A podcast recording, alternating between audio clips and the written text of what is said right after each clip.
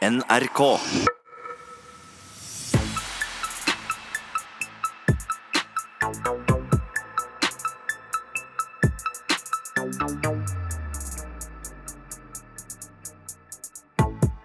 Hei, velkommen til Røverradioen. Eh, det var så vidt vi kom ned her i dag, for strømmen gikk. Og da får betjentene dunderen og bare låser alle dører som er. Så det var nesten så jeg trodde jeg ikke skulle få se dere i dag, gutta. Eh, vi har med oss i dag Marius og Rune Cato. Hei, hei.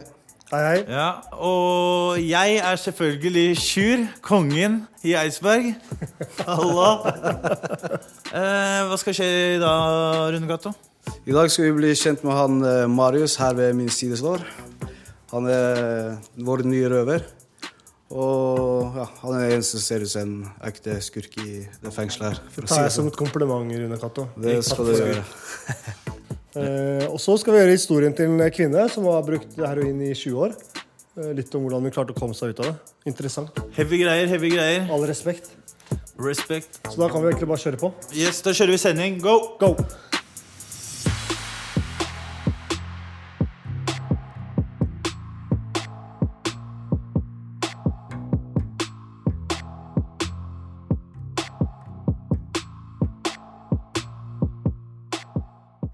Dette er fra Røverradioen Eidsberg fengsel. Og nå skal vi introdusere en ny røver her. Halla. Halla. Hva heter du? Marius heter jeg. 35. Marius, ja.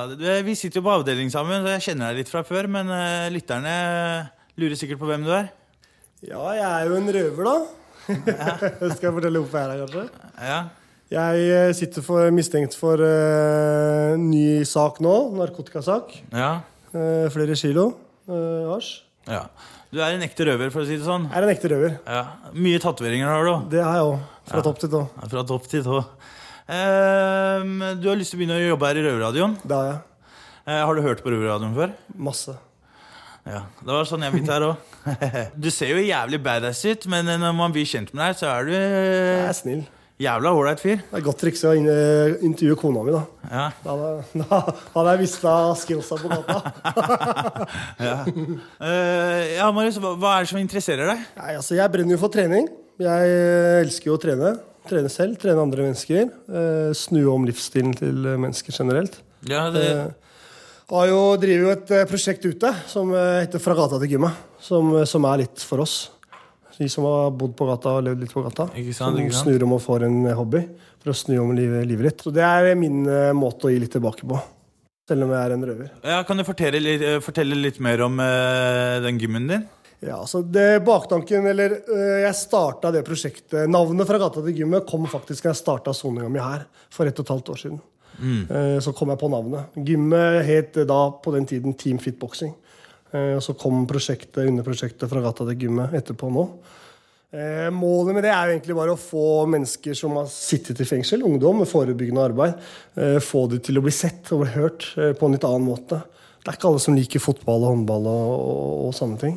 Så da bruker jeg kampsportferdighetene mine og treningsferdighetene mine til å snu om hverdagen til mennesker. Alt fra mennesker som driver med selvskading, mobbing? Altså, Mange mennesker som trenger å bli sett, som ikke blir sett.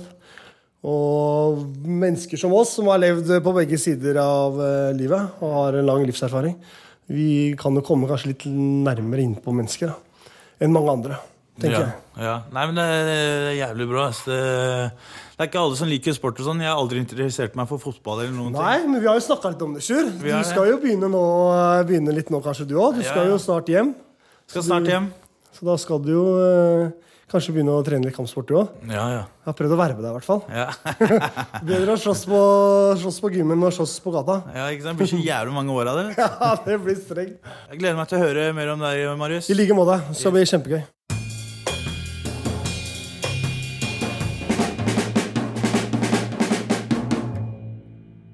Mitt navn er Ghost. Jeg har med meg Daniel og Alex. Skjer, gutta. Alt er bra? Alt er bra ifølge dem. Temaet i dag er radikalisering. Det har vært veldig mye snakk om radikalisering både ute i samfunnet og her i fengselet. Ifølge meg så har jeg ikke fått med meg så veldig mye hva som skjer her i fengselet, fordi jeg og disse gutta her kanskje tenker på våre egne problemer. Hvis det stemmer. Ja, det er ikke godt å si. Ikke sant? Nei, men Daniel, du som er muslim. Ordet radikalisering, har det noe betydning for deg? Det første jeg i hvert fall tenker på når jeg hører ordet radikalisering, er hjernevasking. Eh, Jeg tror at personer som er i en sårbar situasjon, blir utnyttet av andre til å bli hjernevaska. Jeg har jo lest en del av Koranen, og jeg kan ikke kjenne meg igjen i disse folkenes ytringer og handlinger. Så jeg tror radikalisering går ut på at folk som er i en sårbar situasjon ut ifra ulike grunner, blir hjernevaska da, til andre folks handling. Så du mener rett og slett at regionen vår benytter seg av svake folk? Ja, jeg tror vi har noen personer i vår religion, eh, høres litt feil ut, men som er De er jo muslimer, men som kanskje har tolka religionen sin feil, og utnytter da folk som er i sårbare situasjoner i Så livet. svake utnytter svake. Ja, de er jo svake, de andre òg. Greit, Men når jeg hører om radikalisering, så tenker jeg på et lite tettsted nede i Fredrikstad som heter Lisleby. Og jeg har jo med meg Alex, som er derifra. Ja, stemmer. Og Alex, er du radikalisert? Nei, jeg vil ikke påstå det. Når jeg tenker ordet radikalisert, så tenker jeg ekstremister, jeg, da. Og i Lisleby så har det jo blitt sendt ganske mange unge gutter ned til eh, Syria og sånt, som eh, fremmedkrigere, da. Mitt inntrykk, jeg kjenner jo til et par av dem, men eh, det var jo vanlige gutter. som plutselig ble veldig troende, da, for å si det sånn. Og så har de dratt nedover for å støtte sine muslimske brødre i kampen mot Assad-regimet, da. Hva de tenker på, det vet jeg ikke, for jeg er ikke noen psykolog, men eh, det er vanskelig å si. Ja. Noe gikk galt. Noe gikk galt, ja. Det tror jeg ikke vi finner ut av. Men eh, vi sitter jo i Oslo fengsel. Og Ja. det har også vært veldig mye snakk om at det skjer radikalisering bak eh, norske fengsler. Ifølge meg, da, så og, Jeg tror de er radikalisert før de kom inn her. Jeg tror ikke det er her det skjer. Det tror jeg også, men nå, nå har ikke jeg lagt merke til så veldig mye radikalisering i Oslo fengsel, og kanskje grunnen til det er at my my own goddamn business. Jeg vet ikke. Det samme gjør dere sikkert. Jeg tenker ikke så veldig mye på alle andre, men, men jeg kan tenke meg at hvis du er litt sånn ekstrem, eh, så blir det fanga opp veldig tidlig av betjenter. Og jeg tror at eh, grunnen til at vi kanskje ikke legger merke til noe her, er at eh, de kanskje blir isolert. Vi kommer jo ikke fram Nei. til noe fasit hvorfor folk blir radikalisert, men jeg tror jo kanskje en av grunnene er jo media, da, som blåser opp veldig mye. De hyper opp ting. Det kan være mange ting som gjør at folk blir radikalisert. Det kan være Ja, kom med forslag, da. Det kan være Mishandling, barndom, vært et mobbeoffer, samfunnstaper, jeg, jeg, ikke, omsorgssvikt. jeg vil ikke gå så langt å si det som det, men det, kan jo, det, er jo, det har jo med tro å gjøre, da. Ja, du spurte om forslag. Hjernevaskelse. Ja. Nei, men uh, vi kommer faktisk ikke fram til fasiten på hvorfor folk blir radikaliserte, så Det vi kanskje trenger, det er innspill fra ekstremister som kanskje allerede sitter i fengsel. ja, så hvis du hører på, så send en jailmail og fortell dine synspunkter på hvorfor folk blir radikaliserte.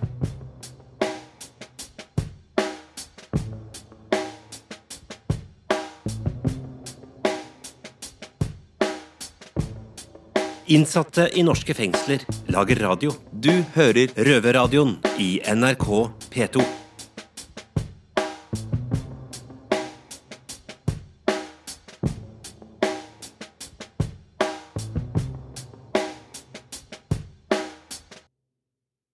Nå skal vi tilbake til eh, våre røvere i Oslo fengsel. Og Der skal vi høre en dame som har slitt med heroinavhengighet i over 20 år, og høre åssen hun kom seg ut av avhengigheten. Dama foran meg har klart noe veldig få klarer, og om du ikke klarer det, er sjansen stor for at du får en tidlig grav. Vi snakker om kampen mot rusavhengighet og verstingen i klassen, nemlig heroin. Jeg heter Preben og sitter her med Lise Åsmundstad. Du slutta ikke bare med heroin, du hjelper nå også andre med rusavhengighet. Big ups, og velkommen til deg. Tusen takk. Velkommen. Hvis vi hadde møtt deg for eh, 30 år siden, hva slags person hadde vi møtt da? 30 år siden, ja. Da hadde jeg møtt en uh, tung heroinavhengig. heroinavhengig. Kanskje i sin uh, vanskeligste periode i livet. Med uh, barn i fosterhjem, eh, flere fengselsdommer, eller ja, både fengselsdommer og fengsel, eller Ja. straffer og eh. Det var tøft, tøft tak. Det var tøft. Mm. Eh, når skjønte du at du hadde nådd bunnen, da? Skjønte nok det flere ganger eh, opp igjennom. Altså min datter flytta i fosterhjem til mine foreldre da hun var seks og et halvt.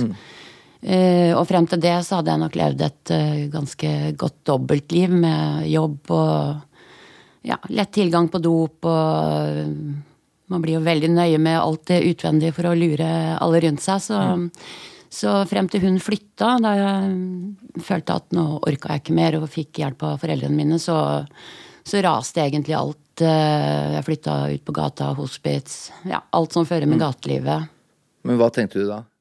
Da tenkte jeg nok ikke på noe særlig mer enn å overleve i lang tid. Det var liksom så på bunnen at det var ikke noe Det var vanskelig å komme opp igjen helt til jeg liksom begynte å ta fatt i Hvor mange år holdt du på der? Jeg var på kjøret totalt eh, 20 år. 20 år, ja. Eh, og så var jeg jo ut og inn av en del institusjoner og avrusningsforsøk og sånn mislykka. Mm. Hvorfor bestemte du deg for å slutte?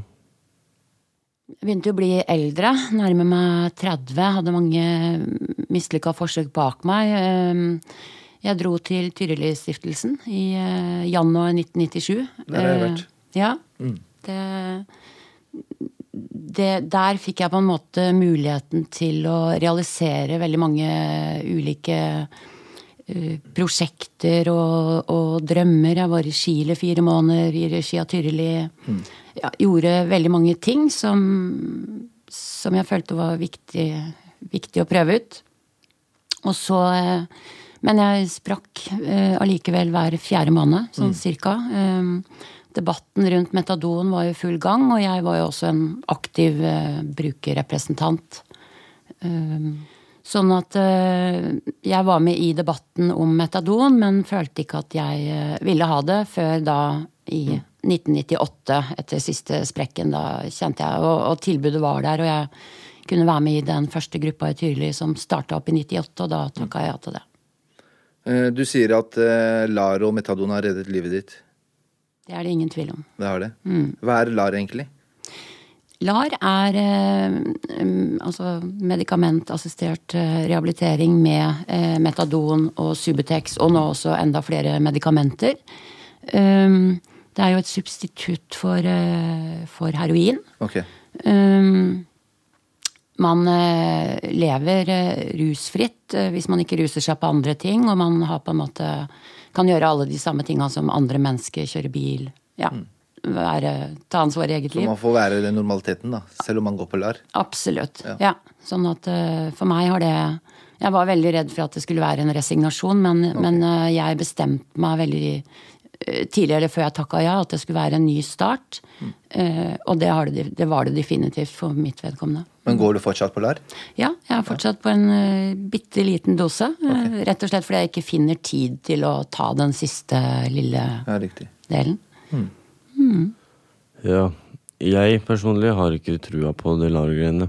Hvorfor er det så bra, egentlig? Altså, LAR er eh, det som på en måte har revolusjonert behandling for eh, heroinavhengige eh, de siste 20 åra i Norge. Og altså, det er ikke bra for alle, men det er eh, De fleste får et bedre liv med det, selv eh, lavterskel LAR. Men eh, veldig mange har jo også fått et hva skal jeg si, helt normalt liv. Med familie, barn, jobb. Så, så det eneste som på en måte Har det påvirka noe negativt òg? For mange er det jo veldig slitsomt å være i LAR. Det er fordi det er også forskjellig praksis rundt omkring i landet på hvordan retningslinjene og anbefalingene på hvordan behandlingen skal være, er, da. Selve medisinen eh, rehabiliterer deg jo ikke i den forstand. Du får ikke noe Nei. jobb eller noe eh, Utvikler deg jo ikke på det, men det gir et eh, Det gir den, eh, det rommet som gjør at man da kan sette i gang med det som er viktig i rehabiliteringene. Så jeg starta med utdannelse når jeg flytta fra Tyrili og flytta hjem, så, så var det fullt mulig for meg å starte i utdannelse og fortsette livet på Ja. normalt vis. Jeg er på en avdeling hvor det er Eller hvor de som er med i LAR-programmet, også er. Og jeg opplever det som et ja, forstyrrelseselement i rehabiliteringa mi. For jeg opplever de som ganske rusa, enkelte. Og da er det utfordrende for meg å holde meg rusfri. Hva tenker du om det? Nei, altså jeg hører jo andre også som eh, sier det du sier, og jeg kan skjønne at det er en eh, utfordring. Eh, er det sånn at man er i opptrapping, er det derfor folk er rusa? For når man er stabilisert på en, en riktig dose, så, og, og man ikke ruser seg på andre ting, så, så skal det ikke være Så er det mange man ikke merker det på engang. Så, så jeg vet ikke hva årsaken er til det. Men hvis det er mye opptrapping og sånn her, så er det klart da skal folk tilvennes osv. Så, videre. så jeg kan skjønne at det er ubehagelig for deg å, å være i. Mm. Eh, Lise, hva mener du er den største feilen man gjør når man forsøker å bli rusfri?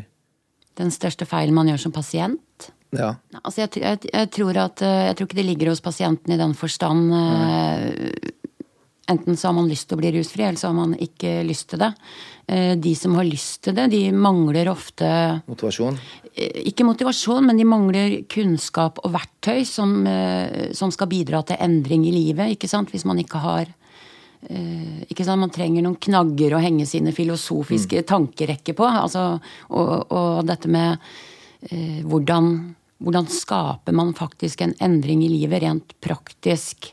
Ikke sant? Og, og, jeg tror jo at vi som uh, rusavhengige og ruspasienter trenger eh, mye mer kunnskap til å bli mer kompetente som pasienter, sånn at vi vet hvordan vi kan realisere livet vårt, hvordan vi kan kartlegge og få riktig hjelp til en god individuell plan som, som er basert på den individuelles ønsker og behov, da. Har det hjulpet deg å være nykter, det at du har vært åpen om din rus, rusfortid? Eh, ja, det tror jeg nok absolutt det har. Det er mye rehabilitering i å være uh, brukerstemme eller uh, brukerrepresentant. Sånn at uh, jeg tror jeg har lært mye som hele tida har gitt meg ny kunnskap, som har gjort at jeg kan fortsette å være rusfri og leve det livet som jeg ønsker, da. Uh, og det er jo det som jeg ser også i behandlingsinnhold i dag, at uh, man mangler ofte uh, den innsikten da man trenger for å kunne gå ut og, og tilrettelegge det livet man ønsker. Mm. tusen takk, Lise Åsmundstad, for at du kom og delte din historie med oss. Og lykke til videre. Tusen takk. Innsatte i norske fengsler lager radio. Du hører Røverradioen i NRK P2.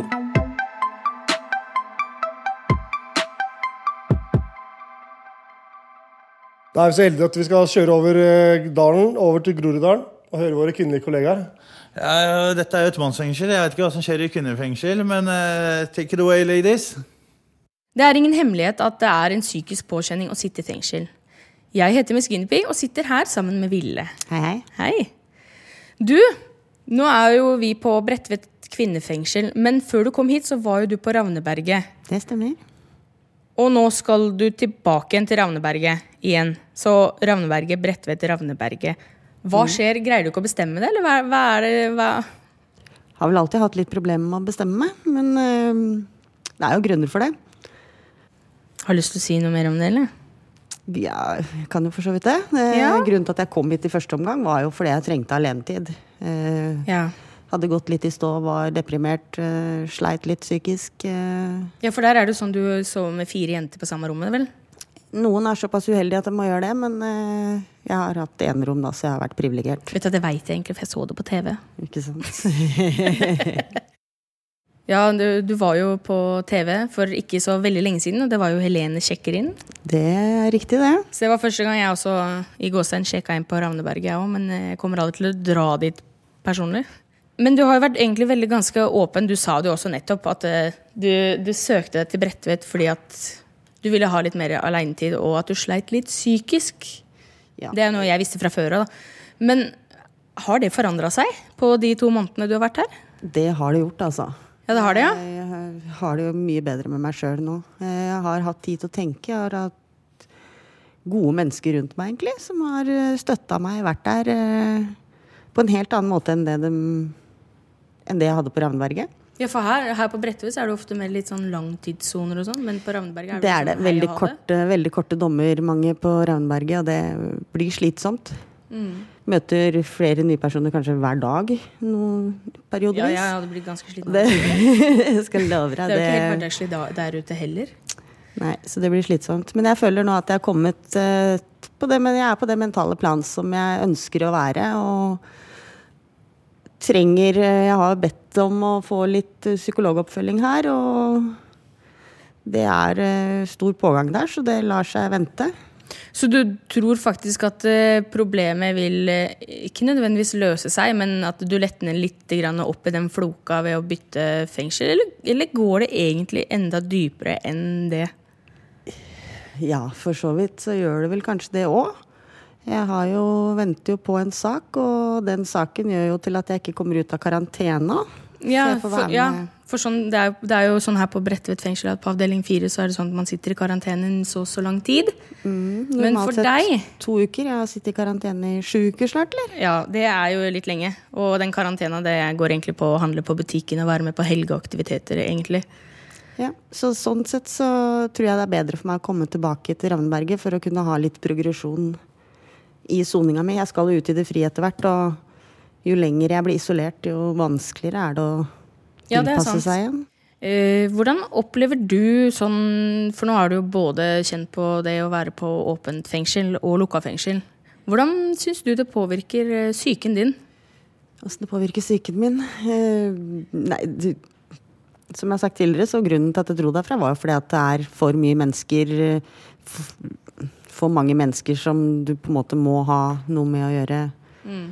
fire ganger daglig når det er telling. Ja.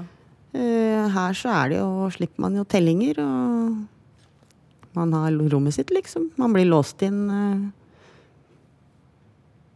Så Merker du noe forskjell på søvnen din og sånn?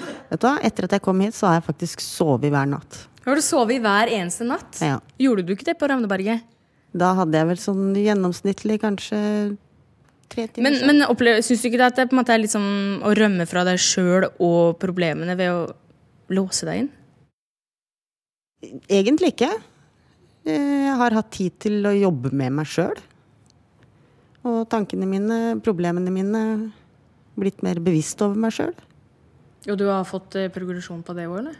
Jeg føler det sjøl. Ja. Men det er jo det viktigste. Jeg er mye klarere for å gå ut og møte Den store, stygge den ulven eh, som er der. Akkurat. Den store, stygge ulven ute der, ja. Ja. Men uansett så ønsker vi deg masse lykke til på veien videre, Ville. Takker så mye for det. Og så bare sånn helt til slutt. Eh, Hva kommer du til å savne mest når du skal dra nå eh, snart? Eller kommer du rett og slett bare til å ta fart og drite i hele hoppholdet som du har hatt her på Bredtvet? Kommer nok til å savne dere to røverne her nede. Det, det beste for både kropp og sjel hos deg. Det er vel det å reise nå, så jeg må tenke på meg sjøl. Selv. Selv om det er blanda følelser. Ja men, ja, men du har jo skjønt det hvis du tenker på deg sjøl først. Vær litt egoist for en gangs skyld. Ikke egoist. Bare smart. En smart egoist. Ja. Lykke til, i hvert fall. takk, takk.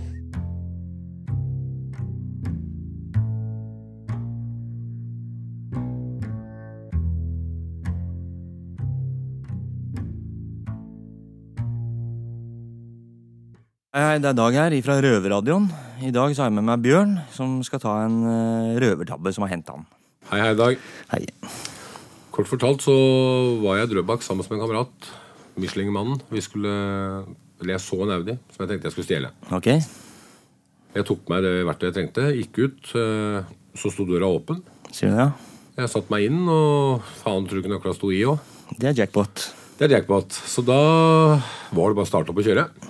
Kom litt opp i gata, så hørte jeg voff, voff baki. Oi, hva tenkte du da, Bjørn? Nei, Jeg titta i speilet og så om ikke verdens største hund, i hvert fall en jævlig svær hund. Eh, eh, jeg tenkte at jeg hadde jo stjålet den av bilen. Jeg kunne ikke bare levere den. Jeg ville jo, da måtte jeg fullføre opplegget. Jeg skulle ta den med og dra. Ja, ja. Jeg måtte fylle bensin, stoppa på bensinstasjonen og fylte og betalte og gikk ut igjen. Og denne bikkja sto og bjeffa og logra. Og Ja, Så da har fått deg hund, da, med andre ord? da hadde jeg fått meg både hund og bil. Jeg var ikke helt sikker på jeg var ikke inne på å beholde begge deler. Men jeg kjørte hjem til hjembygda mi. Jeg klarte å få satt på eh, båndet gjennom et sånn gitter mellom baksetet og bagasjerommet. Ja. Lukket opp bagasjerommet og slapp den da ut, og den dro jo meg rundt på plassen her som en filmdokke omtrent. Men den var veldig snill og hyggelig. Jeg pratet med en kamerat av meg og fortalte dette, og han ville gjerne ha den hunden. Så han kom og henta den.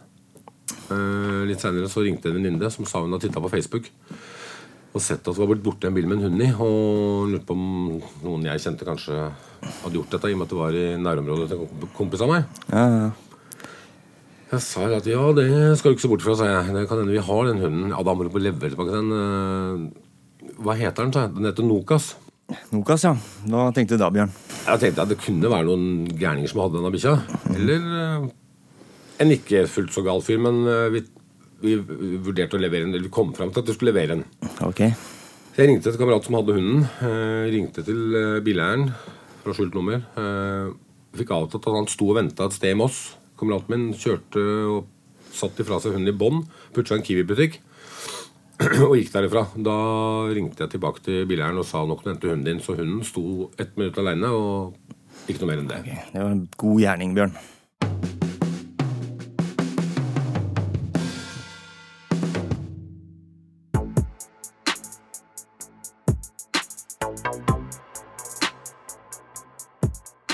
Yes, Da er vi dessverre ferdig med hele sendinga vår i dag. Eh, Vi har hørt mye forskjellig og interessante temaer. Eh, Hva syns du om det vi har hørt i dag, Rune Katto? Mange bra innslag og, og ja. Det har, vært, det har vært bra. Og du, Marius? Nei, jeg, jeg, samme som Rune Cato. Det har vært bra. Og så syns jeg all respekt til hun som har klart å slutte eh, med heroin etter 20 år. Ja, det skal Hun hun faktisk krever, ha krever all respekt. Ja, det skal hun faktisk ha respekt for. Det, det er stort. Det er stort. Faen, Er du full av varer, eller, Rune Cato? Du er så stille. Ja, du vet, Jeg har jo begynt å medisinere meg for ADHD-prosjektet, så man blir litt uh, inneslutta. Yes. Eh, har vi hørt noe fra meg, da? Nei, det har vi ikke. Nei. Ikke noe rørover. Blitt flink. Det er trist at sendinga er over, men vi er tilbake om en uke, så da kan du høre noe mer spennende innslag fra oss da. Ha det, gutta! Ha det. Røverradioen er laga for og av innsatte i norske fengsler. Tilrettelagt for streitinger av Rubicon for NRK. Não, não.